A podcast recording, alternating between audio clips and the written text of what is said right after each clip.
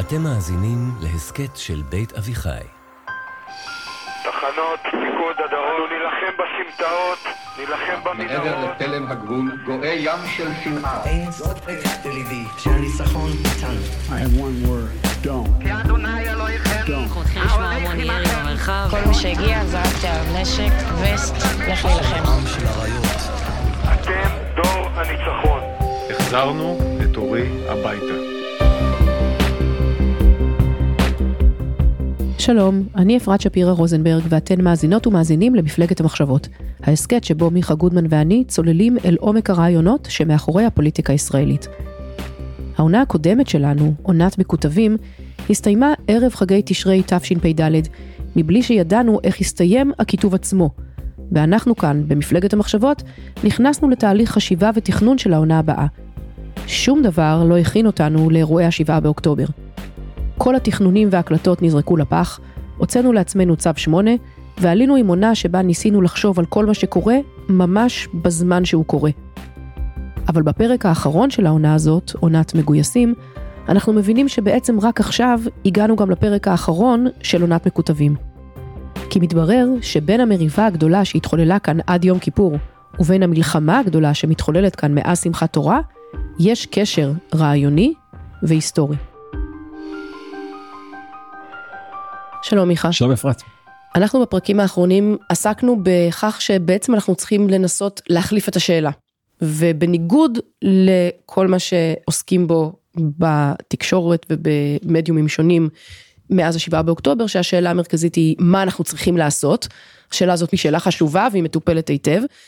אנחנו דווקא מנסים לדון פה כבר כמה פרקים בשאלה שפחות עוסקים בה, וזאת השאלה לא מה אנחנו צריכים לעשות כדי לנצח, אלא מי אנחנו צריכים להיות כדי לנצח. והגענו לאיזושהי תשובה, די uh, מפתיעה אולי, שאנחנו צריכים להיות מי שאנחנו. עצמנו, יהודית ודמוקרטית, שזה מאפיין הרבה מאוד מהישראלים של המדינה היהודית ודמוקרטית, שבנפשם הם יהודים ודמוקרטיים, ועשינו עבודה לנסות לפרק את שני המושגים האלה, מה, כשאנחנו אומרים יהודית בנוסחה הזו, יהודית ודמוקרטית. וכשאנחנו אומרים דמוקרטית בנוסחה הזו יהודית ודמוקרטית, למה אנחנו מתכוונים? אנחנו לא נחזור על כל המהלך, רק נגיד את המסקנה שלו. כשאנחנו אומרים יהודית אנחנו לא מתכוונים החוק היהודי, הדת היהודית. היהודית ביהודית ודמוקרטית זה לא חוק שמצייתים לו, זה סיפור שמשתייכים אליו. כך מרבית הישראלים היהודים חווים את היהדות שלהם. זאת חוויה של השתייכות לסיפור ולא צייתנות לחוק. עכשיו, של מי הסיפור הזה? זה הסיפור של הקולקטיב. כשאני משתייך לעם, אז הסיפור של העם נהיה הסיפור הפרטי שלי. זאת אומרת, כשאנחנו אומרים יהודית, האנרגיה שיש שם, הסיפור שיש שם, זה סיפור של הקולקטיב. כשאנחנו אומרים דמוקרטית ביהודית ודמוקרטית הזאת, למה אנחנו מתכוונים, למה אנחנו לא מתכוונים, זה לא סתם משטר בירוקרטיה. שיוצאים לבחירות כל ארבע כן, שנים. אלא בבסיס של דמוקרטיה זה היחיד. כי אם נחשוב על זה רגע, היחידים הם אלה שמעניקים סמכות לשלטון, והיחידים הם אלו שהאוטונומיה שלהם מגבילה את השלטון, את אותו השלטון עצמו. אז היחידים בוחרים את השלטון והיחידים מגבילים, האוטונומיה שאתה מגבילה את השלטון. זאת אומרת הבסיס של דמוקרטיה ליברלית זה אינדיבידואליזם. ואחרי הפירוק הזה יוצא יהודית ודמוקרטית זה סינתזה של קולקטיביזם ואינדיבידואליזם. הרבה מאוד שנים ישראלים, כאילו מאז באיזשהו מובן ז'בוטינסקי, לא, לא קוראים לזה קולקטיביזם ואינדיבידואליזם, קוראים לזה לאומיות וליברליזם. לאומיות וליברליזם. כן, וזה מאפיין של רוב הישראלים. הם מאוד לאומיים, קולקטיביסטים, ומאוד ליברליים, אינדיבידואליסטים. וכל זה מקופל, כך נדמה לי, במגילת העצמאות ובנוסחת ההפעלה של מדינת ישראל, מדינה יהודית ודמוקרטית. אנחנו נעזרנו באחד הפרקים הקודמים בהמשגה של אמיל דורקהיים, שהגדיר את האדם כהומו דופלקס, שהחוויה האנושית המלאה היא חוויה שיש בה גם מימוש עצמי, כאילו האינדיבידואל במלוא כוחו וזה, וגם קומה של השתייכות למשהו שגדול ממך, והדופלקס הזה הוא בעצם המימוש של מלוא האנושיות שבנו. נכון. אז הנוסחה ההיברידית של הישראליות היא בעצם הזמנה לחיות בצורה מלאה את האנושיות. את הדופלקס. את הדופלקס. וכשאתה שואל לא מה אנחנו צריכים לעשות כדי לנצח, אלא מי אנחנו צריכים, שאנחנו צריכים גם עוצמה וגם חוסן. שאנחנו צריכים גם להיות מאוד לאומיים אחרת נתפורר וגם להיות מאוד מערבים כדי שנוכל להיות חלק מציר שהוא נגד ציר כל הניתוחים שעשינו. המסקנה שאתם תמיד הוליכה לאותו מקום לאותו צומת אנחנו צריכים להיות מי שאנחנו היברידים קולקטיביסטים אינדיבידואליסטים יהודים דמוקרטים לאומיים ליברליים זה היה המסקנה זה מי שאנחנו צריכים להיות כדי שנוכל לנצח. ונשאלת השאלה למה זה כל כך קשה למה זה כל כך קשה למה כל כך קשה לנו לעבור בין שתי הקומות של הדופלקס. לחיות במלאות את שתי הצדדים האלה זה מאוד קשה. ועכשיו צריך לשאול מאיזה זווית זה מאוד קשה האם זה קשה פילוסופית לבנות גשר בין לאומיות לליברליזם זה מאתגר אבל זה לא קשה הרבה פילוסופים חשובים עשו את זה. כן? האם זה קשה פסיכולוגית לחבר את החלקים להיות גם אינדיבידואליסטים וגם קולקטיביסטים? זה מאתגר, אבל הרבה מאוד ישראלים עושים את זה די בפשטות. האתגר המרכזי הוא לא פסיכולוגי, והוא לא פילוסופי. האתגר הוא המכשול המרכזי, הוא פוליטי. או יותר נכון, קיטוב פוליטי. קיטוב פוליטי זאת האנרגיה שמפרקת את הדבק שמחברת לאומיות לליברליזם. יהודית ודמוקרטית. הקיטוב הפוליטי, מסתבר, זה מה שאנחנו ננסה לטעון בפרק הזה, הוא לא רק מה שמפצל בין שבטים, הימין והשמאל נניח, אלא בין ערכים. אולי זה הנזק היותר בלתי נראה, היותר גדול של קיטוב פוליטי.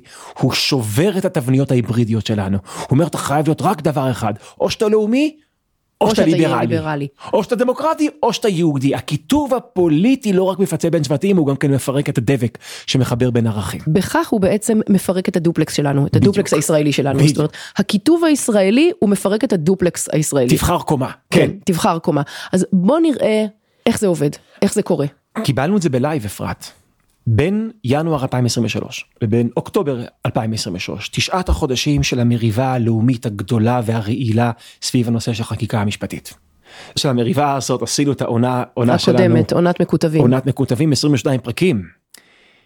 אז בתשעה החודשים האלה היה תחושה בישראל, שישראל הולכת מתפצלת לשתי מחנות פוליטיים, ומחנה אחד הוא המחנה היהודי מאוד. והמחנה השני הוא המחנה הדמוקרטי מאוד. והמחנות הללו התנגשו וכשהם התנגשו זה הרגיש כאילו שהמחנה היהודי והמחנה הדמוקרטי מתנגשים כאילו אנחנו שומעים מה קרה כאן. ישראל היהודית והדמוקרטית הפכה לזירת קרב שבין ישראל היהודית לישראל הדמוקרטית.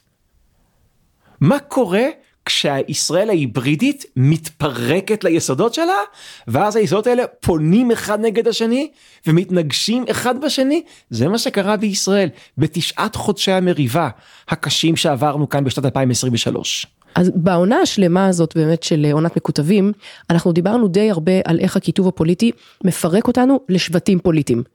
בעצם גורם לנו לפנות שבט נגד שבט. ועשינו שם מהלכים עם הדאו וכן. כן.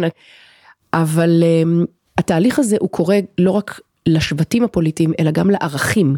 הוא בעצם גורם לכך שהערכים לא ידבקו אחד לשני, כן. אלא יפנו אחד נגד כן. השני. אז בוא נראה, אנחנו עשינו, כמו שאמרת, 22 פרקים על איך זה קורה לשבטים, איך זה גורם לנו בעצם להתרחק אחד מהשני ולשנוא אחד את השני. השאלה היא איך הכיתוב הפוליטי גורם לערכים האלה לפנות אחד נגד השני. אז אני חושב ששני החלקים של השאלה שלך קשורים אחד לשני בגלל שמה קורה כששנאה בין השבטים גוברת. אז נניח אני שייך לשבט הדמוקרטי ובתשעה חודשי מריבה אני מפתח תיעוב כלפי השבט היהודי.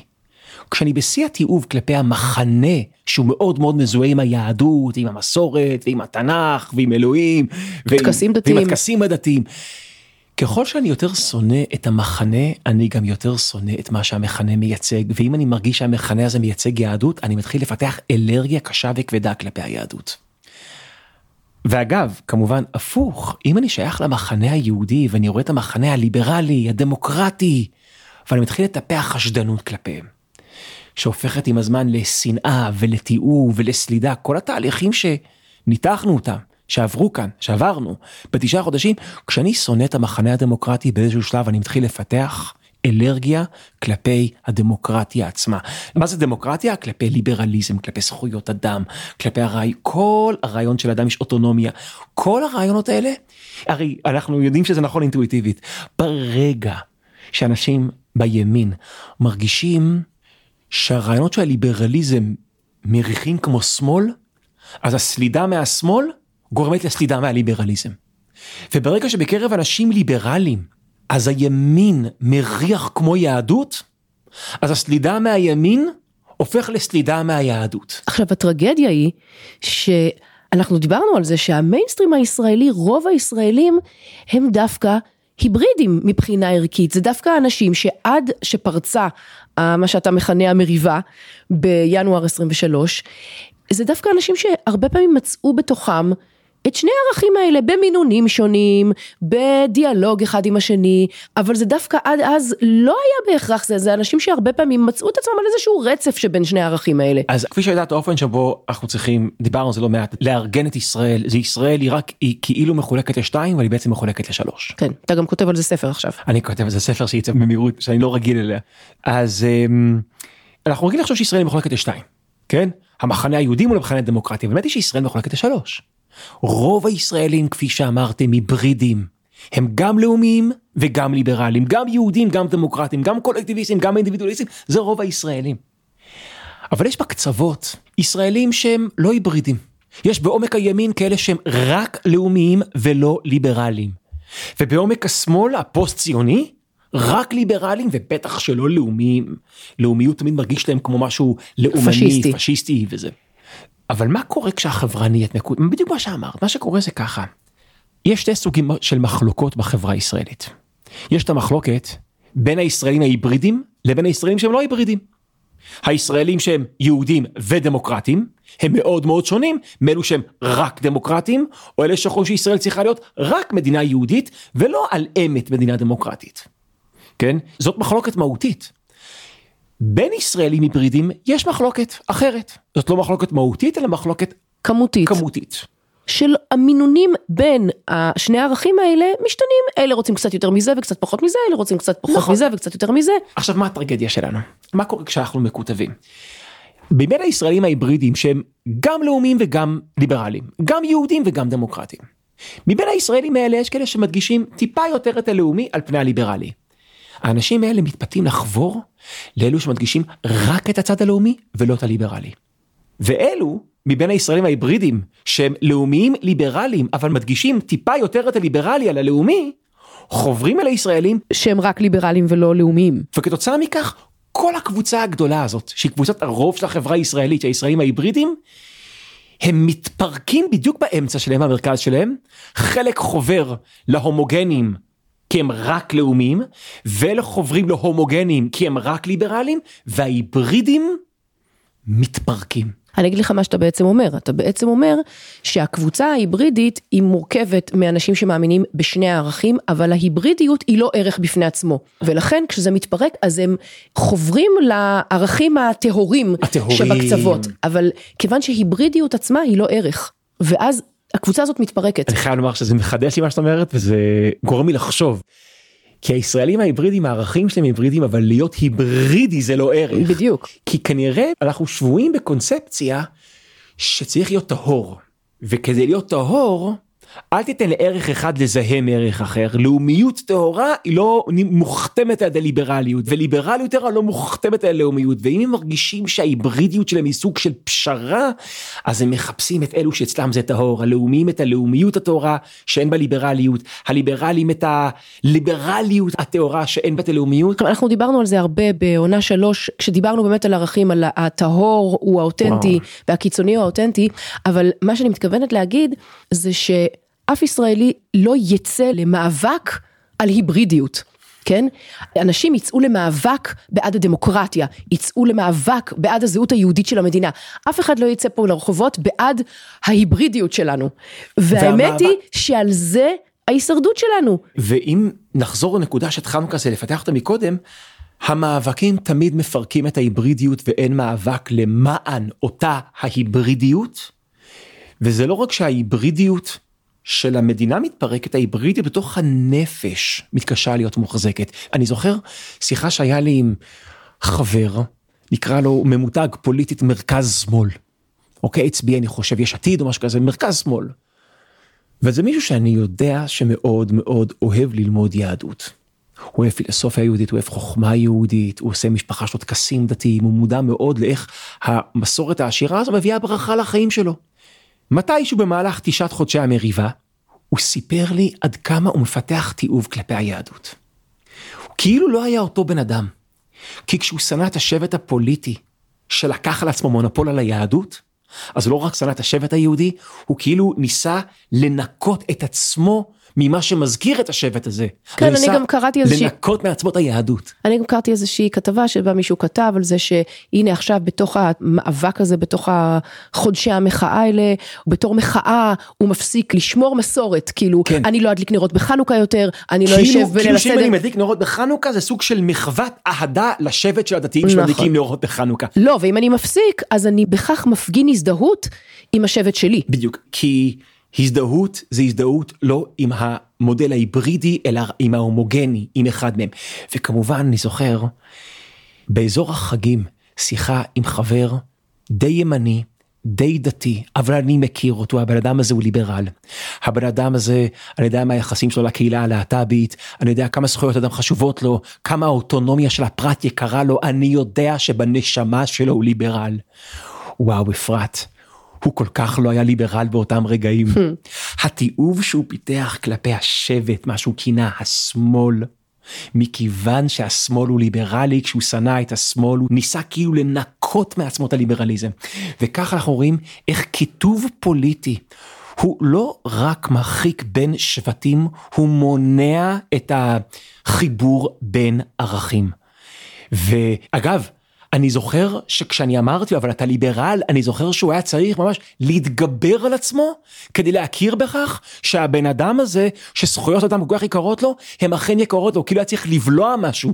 דוד, אתה לא צריך לבלוע משהו כדי להיות ליברל, אתה ליברל, זה ששמאלנים הם גם ליברלים ואתה לא אוהב אותם, זה לא אומר שאתה לא ליברל, ואותו דבר צריך היה להגיד למי שאומר, אם הימנים הם יהודיים מאוד, אז אני צריך לנקות מעצמי את היהדות. אני מפסיק להדליק נרות בחנוכה. כן, אפשר לחשוב למי אתה עושה טובה. השנאה לשבטים יוצרת ניכור מערכים, ומכיוון שהערכים האלה קיימים בתוך הישראלים ההיברידים, בזמן שהם שונאים את השבט השני, הם כאילו הופכים... מתכחשים למשהו בתוך עצמם. משהו בתוך עצמם, ואז דורקהיים לא עובד, ואז אנחנו מתכחשים לשתי הקומות הקולקטיביסטי אינדיבידואליסטי שבתוך עצמנו. זה הקשר העמוק שבין הקיטוב הפוליטי לבין הפיצול הערכי. והטרגיות של זה, זה שבמהלך הפרקים האחרונים הגענו שוב ושוב למסקנה שהדרך היחידה שלנו לנצח אם דבר כזה הוא אפשרי, לא משנה מה המשמעות של הביטוי הזה, ולשרוד פה ולשגשג פה בשכונה הזאת, הווילה והג'ונגל וכולי, זאת ההיברידיות הזאת, זה הסיכוי היחיד שלנו. וזה בעצם נקודת המפגש בין שתי העונות שעשינו. עשינו עונת מקוטבים על המריבה, עשינו עונת מגויסים על המלחמה, ועכשיו הפרק הזה, הפרק שמסיים ומסכם את עונת מגויסים, הוא במידה רבה גם פרק סיום של עונת מקוטבים. הכל נפגש כאן. המרחק בין יש השבטים. פה התלכדות העונות. התלכדות, התלכדות העונות. ואני רוצה לחשוב כאן בקול רם עוד מחשבה אחת אחרונה על המפגש בין העונות האלה, בין המריבה לבין המלחמה. וזה שהקשר הכי בסיסי בין המריבה לבין המלחמה, היא שבמידה רבה המריבה קרבה אלינו, אם לא ממש הביאה עלינו את המלחמה. לדעתי אחת ההדלפות הכי חשובות שהיו במלחמה הזאת היה בנובמבר. חיים לוינסון הביא את זה, הוא הביא חומר שראש חטיבת המחקר באמ"ן, עמית סער, הגיש לו ראש הממשלה נתניהו, ממש באמצע חודשי המריבה הקשים והגדולים. ומסתבר שאמ"ן קלט שיחות פנימיות שהיה בקרב האויבים שלנו. לא יודע אם זה בטהרן או בביירות, אבל ניהלו שיחה פנימית. מה היה התוכן של השיחה הפנימית? הם דיברו עלינו ועל המריבה שלנו. ומסתבר שהם דיברו עלינו הרבה, על המריבה שלנו. מה שקרה זה ככה, כשהמריבה שלנו מאוד החלישה אותנו. החולשה שלנו נקלטה ברדארים של האויבים שלנו. וככה המריבה שלנו הפכה לדילמה שלהם. מה הייתה הדילמה? אז על פי מה לוינסון מביא מהמיצה ראש חטיבת המחקר באמ"ן, מה הייתה הדילמה? שתי גישות. גישה אחת אומרת, הישראלים רבים, הם נחלשים, בואו ננצל את החולשה שלהם, כדי לתת להם מכה ולגמור אותם. בדיוק, נהפוך את החולשה הרגעית לתבוסה הסופית שלהם, מכה אחת גדולה. זה כנראה הייתה דעת המיעוט דרך אגב. העמדה היותר שמרנית, זהירה, מה היא אמרה? זה עוד לא הזמן. זה עוד לא הזמן. אם הם רבים, למה להרוס את כל הטוב הזה? אם נתקיף אותם מבחוץ הם עשויים להתלכד. בואו ניתן להם להמשיך ולריב, להמשיך ולריב, וכשכנראה הם חשבו, כשהם יהיו ממש על הקרשים. מפורקים, זה יהיה הזמן לסיים באמצעות ממכה מבחוץ את כל ההתפוררות שכבר התחילה מבפנים. דילמה, שתי גישות. לבוגרי עונת מקוטבים, העונה השלישית של הפודקאסט הזה, הדילמה של אויבי ישראל ב-2023 אמורה להישמע מוכרת. כן, האמת היא שלכל יהודי הדילמה הזאת אמורה להישמע מוכרת. לא יודע, לכל, לכל מי שקרא לכל מי, יוספוס שמכיר, פלביוס. לכל מי שמכיר היסטוריה יהודית, כן. לכל מי שקרא יוספוס פלביוס. כן. זה פשוט מדהים עד כמה שהדילמה הזאת מוכרת וחזרה על עצמה כמעט אחד לאחד. במרד הגדול, בבית השני, בשנת 66, הגיעו הרומאים לדכא את המרד ב-67, בשלב ראשון כבשו את הגליל, אבל הם ידעו שהמרד לא נשבר ולא מתפרק אחרי שהם כבשו את הגליל. המרד יוכרע בירושלים. ואז הדילמה היא, מה הטיימינג של לעלות עם כל הליגיונות הרומאים? הם הביאו לדעתי ארבעה ליגיונות, כאילו הרבה מאוד כוח לדכא את המרד. מתי מביאים את כל הגייסות לירושלים? ובזמן שהם מתחבטים מה הטיימינג הנכון, הם מקבלים מודיעין. מה המודיעין אומר? אספיסיאנוס הוא בשלב הזה מי שמפקד על דיכוי המרד. מה המודיעין אומר? היהודים רבים בירושלים. הם מפורקים לשבטים פוליטיים שונים עם אידיאולוגיה טיפה טיפה שונות והם מפרקים אחד לשני את הצורה וזה מאוד מפורסם והם שורפים אחד לשני את מחסני המזון והמריבה שלהם מחלישה אותם והחולשה שלהם הופכת לדילמה אצל אספיסיאנוס. מה הדילמה? שתי גישות. היו את החבר'ה של אספיסיאנוס שאמרו לו בואו ננצל את החולשה הזאת כדי להנחית להם מכה כמה שיותר מהר נעלה עכשיו לירושלים. ואספיסיאנוס אמר החכם יותר לפי יוספוס פלביוס כמובן. לפי יוספוס פלביוס אלוהים מיטיב לערוך את המלחמה ממני. אם הם רבים למה לנו להרוס את כל הטוב הזה. ניתן להם מריבה להידרדר וכשהם ממש על הרצפה כפי שאת אמרת ננחית אליהם ממכה מבחוץ שתסיים את כל ההתפוררות שכבר החלה מבפנים. וזה מה שהיה. אספסיאנוס, הגישה שלו הכריעה, ובאמת חיכו איזושהי תקופה, כן. ואז הלהבות בירושלים עלו, והמלחמה שם מאוד מאוד החריפה, ואז, אה, כשהרומאים נכנסו, כן. כבר העבודה הייתה מאוד קלה. אז זה הפך מדהים שעברו אלפיים שנה, מריבה של יהודים יצרה דילמה אצל האויבים. אני לא יודע אם המריבה היא אותה המריבה, אבל הדילמה היא בדיוק אותה הדילמה. הדמיון הזה הוא מצמרר, והאמת היא אפרת הוא גם מתסכל ומדכא ומייאש. אנחנו רבנו, והמריבה שלנו פיתתה את האויבים שלנו לתקוף אותנו, ועכשיו אנחנו במלחמה הקשה והנוראית הזאת. ההבדל היחיד הוא שלא בטוח שהפעם הגישה השמרנית ניצחה. זאת אומרת, הדבר היחיד שאולי קצת מעורר תקווה באירוע הזה, שוב שאנחנו לא יודעים איך הוא יסתיים, ויכול להיות כן. שאנחנו חס וחלילה נגלה שאנחנו טועים, אבל יכול להיות שהגישה היותר אקטיבית ניצחה, ושהם הקדימו מדי לתקוף אותנו. נכון. זאת אומרת, כי התקיפה שקרתה בשבעה באוקטובר, גרמה לאיזושהי התלכדות, התעוררות מחודשת נכון. בעם, זה, זה עוד לא הגיע לנקודת האל חזור. בדיוק, הם באמת באמת הקדימו, ובאמת היינו יכולים להיות אחרי משבר חוקתי, שהיה מחריף מאוד את הבעיות, אם זה היה קורה עוד שנה או שנה וחצי, יכול להיות שישראל לא היה לה את הכוח להתאושש אולי. זאת אומרת, בירושלים שלפני אלפיים שנה הם כבר עברו את נקודת האל חזור. כן. ואז כשהגיעה המכה, נכון, זה כבר היה נכון. רק לגמור את מה שיש. אני אגיד לך מה התיאוריה שלי. מה שאני יכול להגיד זה לא מבוסס על מקורות מודיעיניים, אוקיי? אבל אם אגף מודיעין של צה"ל הרגיש שהתמנון האיראני שמקיף אותנו מתחבט. הם היו עיוורים, הם לא ידעו שזה הגיע מעזה. בזה הם פספסו. ב- בענק. בענק זה understatement. אבל הם כן קלטו שהתמנון שסביבנו מתרגש מהמריבה ויש לו דילמה. זאת אומרת שכנראה הייתה שם דילמה, והם כנראה שאלו האם לתקוף אותנו או לא לתקוף אותנו. יותר מזה, למריבה הצטרפה עוד מוטיבציה. תהליכי הנורמליזציה שיצאו אל האור בקיץ עם סעודיה. שהיה להם מאוד חשוב לעצור את זה. ואז אם המריבה יצרה פיתוי, ותהליכי הנורמליזציה יצרו צורך, היית חושבת כשפיתוי פוגש צורך, אז יש מלחמה. וכנראה שהם מאוד התקרבו למלחמה, אבל עדיין היו זהירים ושמרנים ומרוסנים, והאיראן, אני חושב שיש להם תפיסה שמרנית, הם עדיין היססו, הם עדיין לא רצו להפעיל את כל זרועות התמנון במתקפת פתע נגד ישראל. או אפשר לומר ישבו על הגדר ורצו לראות לאן זה הולך. בדיוק, ולדעתי מה שקרה זה, וזה, זה, זה, ספקולציה. זה ספקולציה, אני חושב שהיא נכונה, אבל זה באמת, פשוט חמאס ראו את התמנון, הרגישו שהתמנון האיראני מתחמם, מתחמם, מתחמם, בסוף לא עושה כלום, אז מה הוא אמר? אני אעשה מתקפה אדירה על ישראל, וזה יעשה אקטיביזציה, זה יפעיל את כל התמנון. זאת אומרת, מה שבדרך כלל אנחנו נוהגים לחשוב, זה שהראש של התמנון יושב בטהרן, בדיוק. ומפעיל את הזרועות השונות שלו כשהוא מוצא לנכון. מה שבעצם אתה אומר זה שהזנב קשקש בכלב. זאת אומרת, הזרוע של התמנון ניסתה להפעיל את הראש שלו. בדיוק, הפעלה הפוכה שהתמנון, ודרך אגב, אולי זה מה שבגלל זה המודיעין הישראלי כל כך פספס. כי הלוגיקה שלנו אומרת שהחזק יפעיל את את החלש. החלש. ומה שאולי היה כאן שהחלש ניסה להפעיל את החזק. הפעלה הפוכה של התמנון. העניין הוא שזה כמעט הצליח להם. זאת אומרת, הם יצאו נגדנו בשבעה באוקטובר, וכנראה הייתה דילמה בקרב שאר זרועות התמנון, בביירות. זאת אומרת, זה יצר דילמה. זה יצר דילמה. האירוע של השבעה באוקטובר יצר אצלם דילמה בביירות ובטהרן. האם להצטרף לאירוע הזה או להצטרף לאירוע הזה? ייכתבו על זה המון ספרים עוד שנים, כמה שנים מעכשיו. אבל ממה שאפשר להרגיש ולגמגם בשלבים המוקדמים מאוד האלה, זה שני גורמים הכריעו את הדילמה. אחד כמובן, ביידן, ארצות הברית. Don't. כן.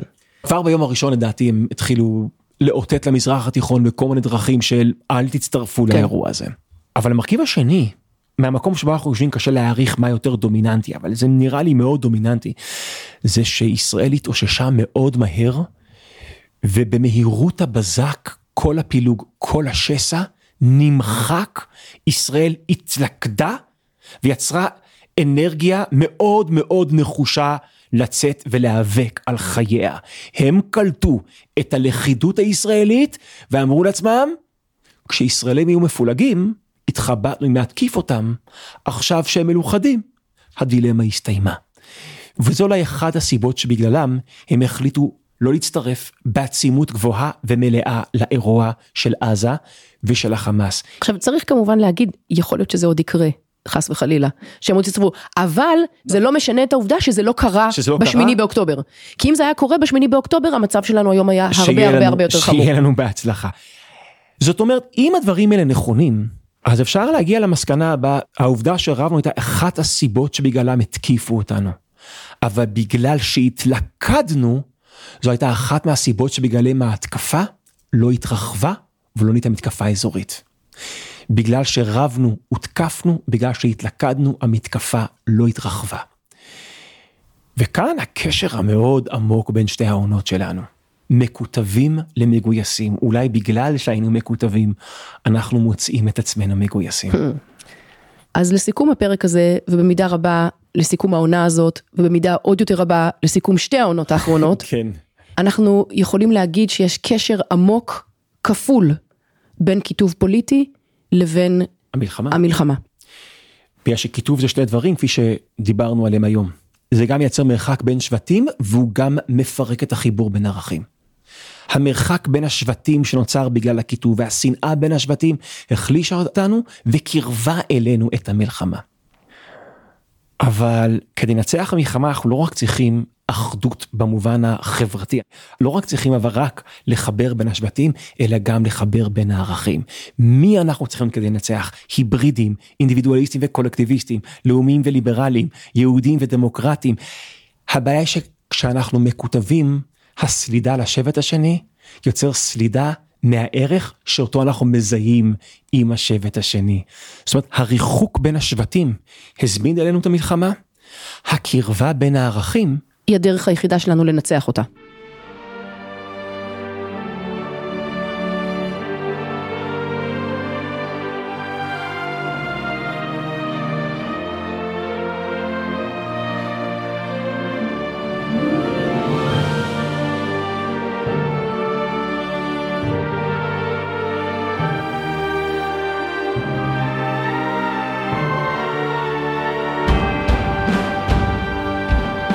אפרת שפירא רוזנברג, וזה היה הפרק האחרון בעונת מגויסים. עברו כבר כמעט ארבעה חודשים מאז שעלינו לאוויר עם העונה הזאת, והאמת היא שאף אחד מאיתנו לא דמיין שבסוף ינואר 2024 עוד יהיו כל כך הרבה אנשים ונשים שנמצאים מחוץ לבית שלהם. אז מיכה ואני רוצים להקדיש את הפרק הזה לכל המפונים והמפונות מהעוטף ומהצפון, לחיילים ולחיילות שמחזיקים את כל החזיתות, לפצועים שעוד מאושפזים וזקוקים לשיקום, וכמובן, לחטופים ולחטופות, שליבנו, מחשבותינו ותפילותינו איתם כל הזמן. הלוואי שעד שנעלה בקרוב עם העונה החדשה, כולם יחזרו הביתה.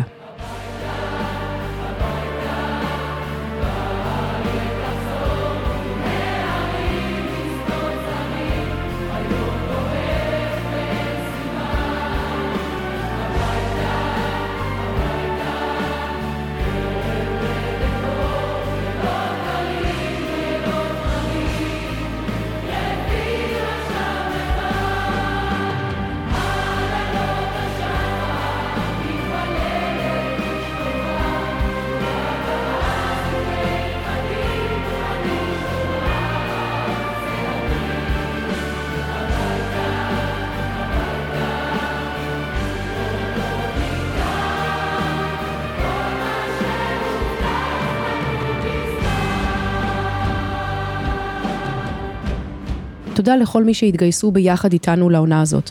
ניר לייסט ואור שמיר האורחים, אייל לויט ושחר מונטלק על ההפקה, ומתן חיים וניבה גולדברג מצוות הדיגיטל. אתם מוזמנים לנצל את ההפוגה הקצרה שאנחנו לוקחים כדי להשלים פרקים שהפסדתם מהעונה הזאת או מהעונות הקודמות של מפלגת המחשבות, וגם כדי להכיר תכנים נוספים שיש באתר של בית אביחי וביישומוני ההסכתים. נתראה בפרקים הבאים.